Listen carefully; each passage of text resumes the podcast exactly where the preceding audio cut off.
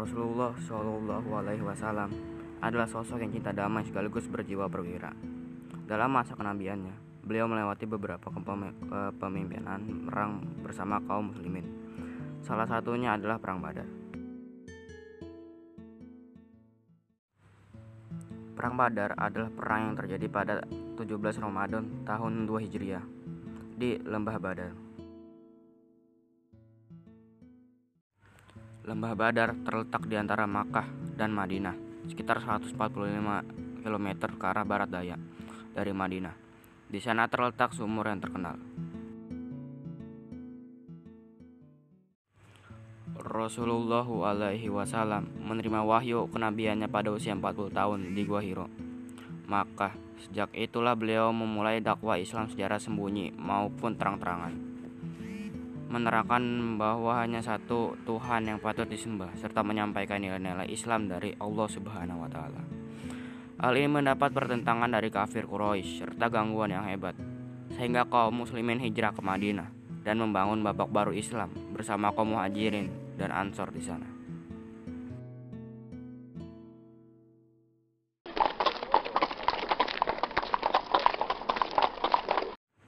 Namun, kaum Quraisy yang terus-menerus menebar ancaman kepada kaum muslim, bahkan ketika kaum muslimin sudah hijrah ke Madinah. Inilah salah satu sebab terjadinya perang Badar. واعلموا أنما غنمتم من شيء فأن لله خمسه وللرسول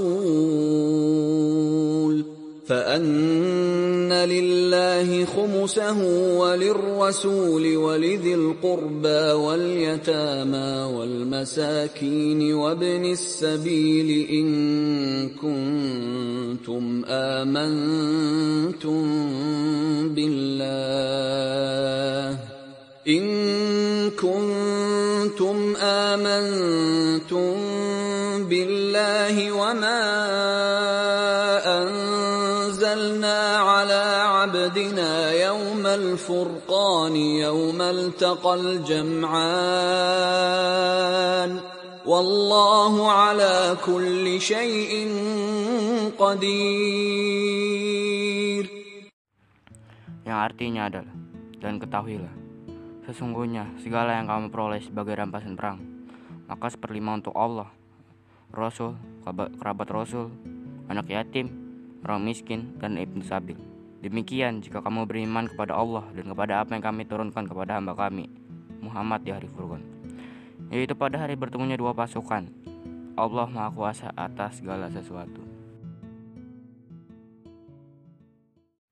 Sebanyak sekitar 300 kaum muslimin dalam barisan perang dipimpin Rasulullah melawan sekitar 1000 prajurit Quraisy di bulan Ramadan 2 Hijriah itu.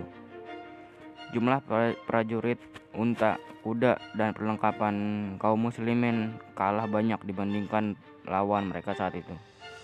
Namun dengan bantuan Allah serta strategi perang yang baik, kaum muslimin memenangkan perang tersebut.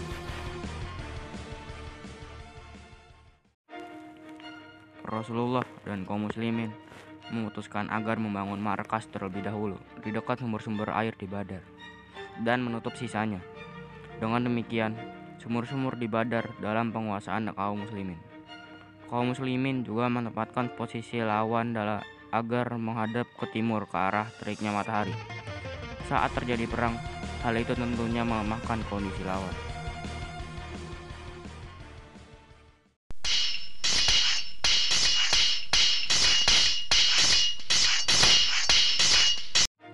Dengan bantuan Allah Subhanahu wa taala, prajurit muslim merapatkan barisan dan mengikuti perintah secara serempak.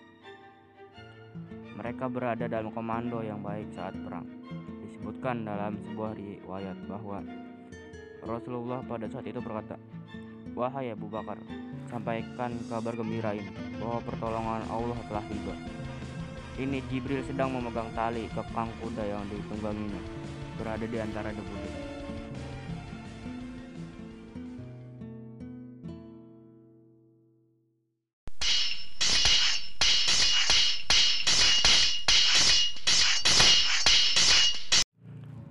Kaum muslimin terkoordinir dengan baik.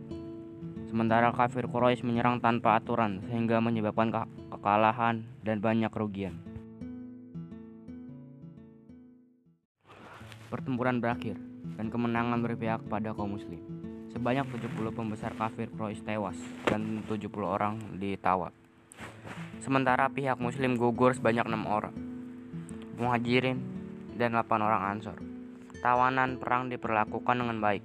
Kemudian dibebaskan dengan cara membayar tebusan atau mengajar 10 orang muslim kecakapan baca tulis. Masya Allah.